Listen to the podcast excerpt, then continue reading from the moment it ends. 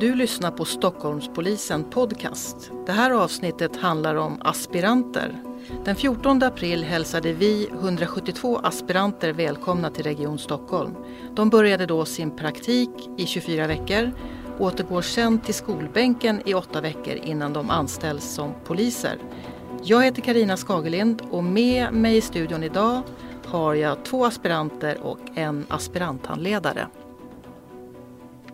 Välkommen hit Monique, aspiranthandledare, Märna och Sebastian, eh, aspiranter.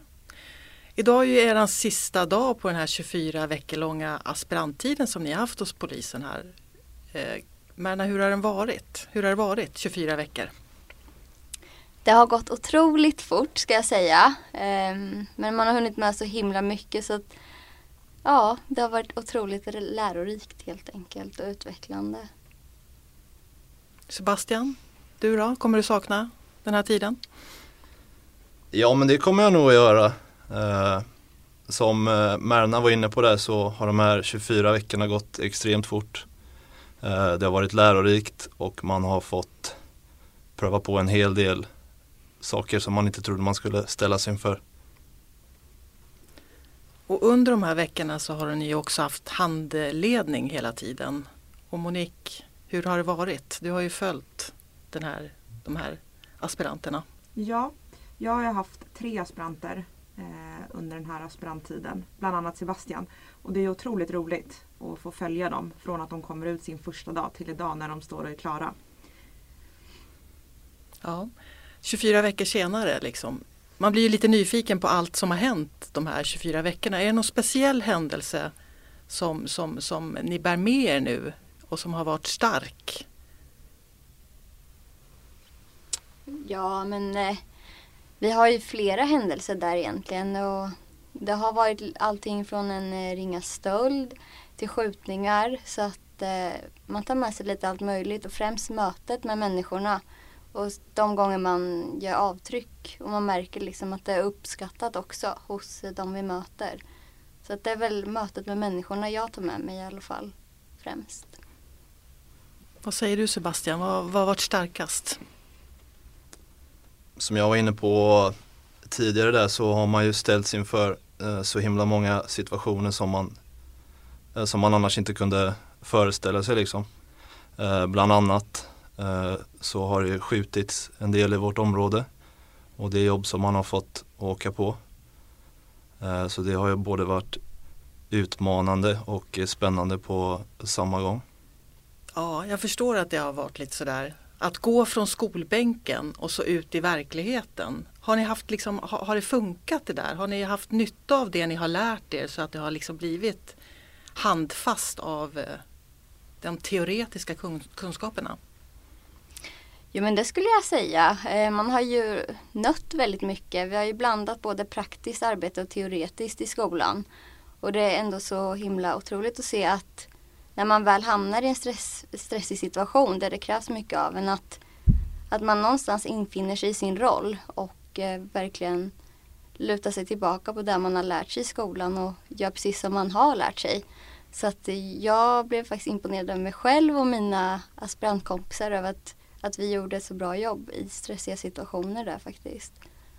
Eh, jag personligen eh, tycker att det var man fick med sig en väldigt bra och bred teoretisk kunskap eh, från skolan. Eh, men till en början så var det svårt att, att tillämpa den ute i, i verkligheten. Men eh, ju längre tiden gick så tyckte jag att man kom in i det mer och mer. Och eh, då blev också ens ingripanden eh, bättre eh, efter det. Ja, Monique, det här är en del av din uppgift bland annat. För det är ju inte så att aspiranterna åker runt på de här jobben själva såklart utan det krävs ju en, en, en handledning. Hur har det varit för dig? Har det varit svårt på något sätt eller vilka utmaningar har det varit? Ja, eh, det är ju så här att jag är handledare eh, vilket innebär att jag träffar aspiranterna varannan vecka eh, och skriver deras bedömningsunderlag. Och eh, mot slutet så eh, gör jag en samlad bedömning huruvida de ska bli godkända eller inte. Eh, när de är ute och åker i radiobilarna så har de separata instruktörer. Eh, men jag har varit även instruktör och eh, det är ju så att även vi som är poliser, alltså som är färdiga, vi ställs ju också inför utmaningar och prövningar. Eh, så att jag tycker det funkar bra. Och som sagt, man märker ju att de blir bättre och bättre för varje dag. Men jag tänkte ändå djup, djupdyka lite på vilka ni är som är här och varför ni valde just polisyrket, för det är ju lite spännande. Vill, varför blev det just det här yrkesvalet? Anledningen till att jag valde att eh, söka mig till eh, polisyrket eh, det var någonting som väcktes ganska tidigt inom mig och så länge jag kan minnas egentligen så har jag velat bli polis. Dels för att min pappa Eh, är polis och eh, han har eh, hela tiden pratat väldigt gott om yrket och rekommenderat det varmt för mig. Sen är det här klyschiga som många andra också säger att det är, ja, man får vara först på plats. Man får möjlighet att hjälpa människor som har nått samhällets botten på ett eller annat sätt och ja, kanske göra avtryck. Ja, och jag har velat jobba med människor. Det har jag vetat hela livet egentligen. Um, men just polisyrket, jag har alltid varit intresserad av det. Men jag är lite kortare i eh, växten och jag visste liksom inte hur det gick till. Behöver man vara, vara en viss längd eller hur är det? Men sen när jag gjorde lite efterforskningar i det och insåg att ja, men, det spelar ingen roll hur jag ser ut i kroppen. Eh, jag känner mig stark och jag känner mig ja, men, mogen att ta mig an den här rollen. Då valde jag att söka och det bottnar sig också i att jag är uppvuxen i ett eh, område som har varit lite stökigt och eh, jag har haft människor runt omkring mig egentligen som har eh, de har inte delat samma uppfattning om polisen som jag har haft. Jag har alltid haft en bra bild av polisen men när jag pratade med andra i området då, då visade det sig att de inte tyckte likadant. De kände sig orättvist behandlade och ja, de tyckte inte likadant om polisen som jag tyckte helt enkelt. Så att jag kände att jag ska ta mig an den här rollen och jag ska visa att, ja, att polisen är bra. Att vi, vi verkligen är där för att hjälpa till. Monique, då vill vi höra dig också såklart. Varför du valde polisyrket, även om det var några år sedan kanske. Mm, jag har ju varit polis i fyra år nu. Och ja, väldigt klyschigt så valde jag att bli polis för att jag ville jobba med människor. Eh, och jag ville ha ett varierat eh, yrke där man aldrig riktigt vet vad som händer. Det drogs jag till. Eh, men nu när jag varit polis ganska länge så kan jag utan tvekan säga att det är världens roligaste jobb. Även om man ställs inför väldigt många tuffa utmaningar så eh, är det väldigt roligt. Och jag går alltid till jobbet och känner att det ska bli kul.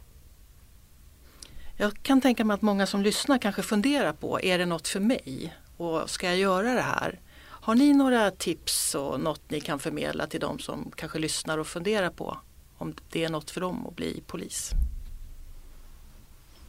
Ja, men det viktigaste tänker jag är ju att man vet varför man vill bli polis. Det räcker liksom inte med att och vilja ha ett jobb där man får adrenalinpåslag utan det måste bottna sig i någonting djupare. Att man, man vill ta sig an människor som befinner sig i utsatta situationer och, och eh, man måste ha det intresset. Eh, och har man det då tycker jag absolut att man ska testa och söka.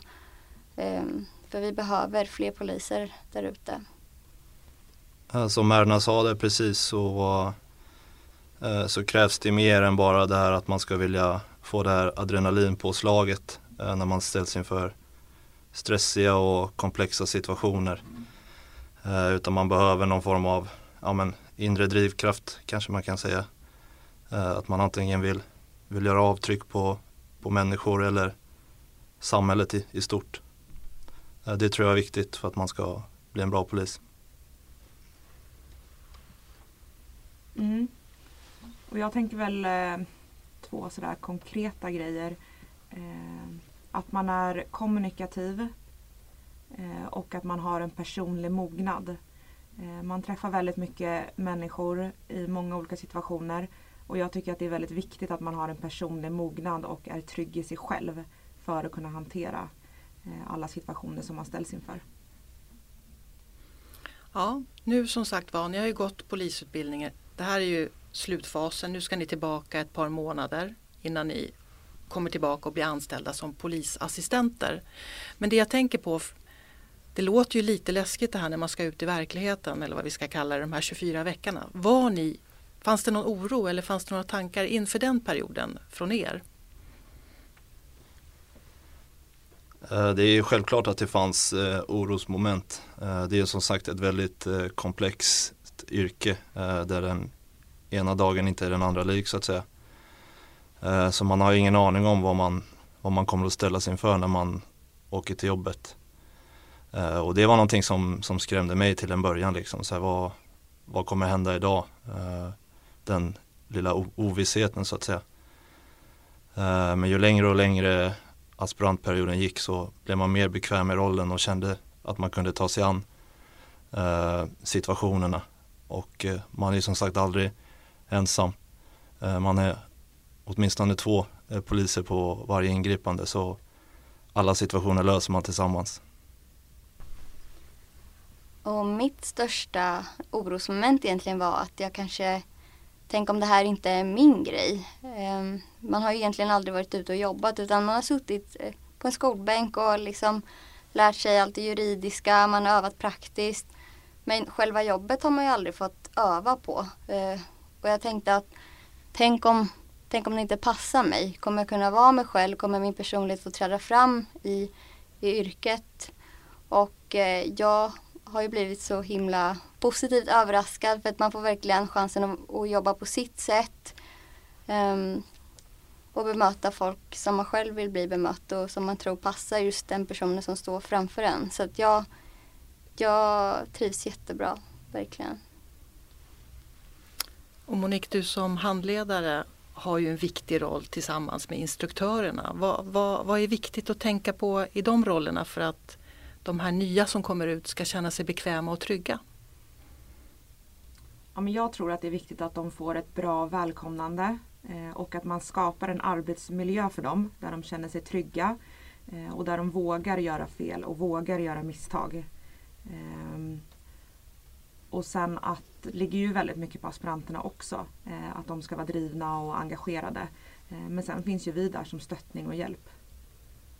Ehm, jag brukar säga som handledare till mina aspiranter att de inte ska se mig som någon som bedömer dem även om det är det jag gör utan de ska se mig som en stöttepelare och någon som ska försöka hjälpa dem eh, fram till målet och bli godkända.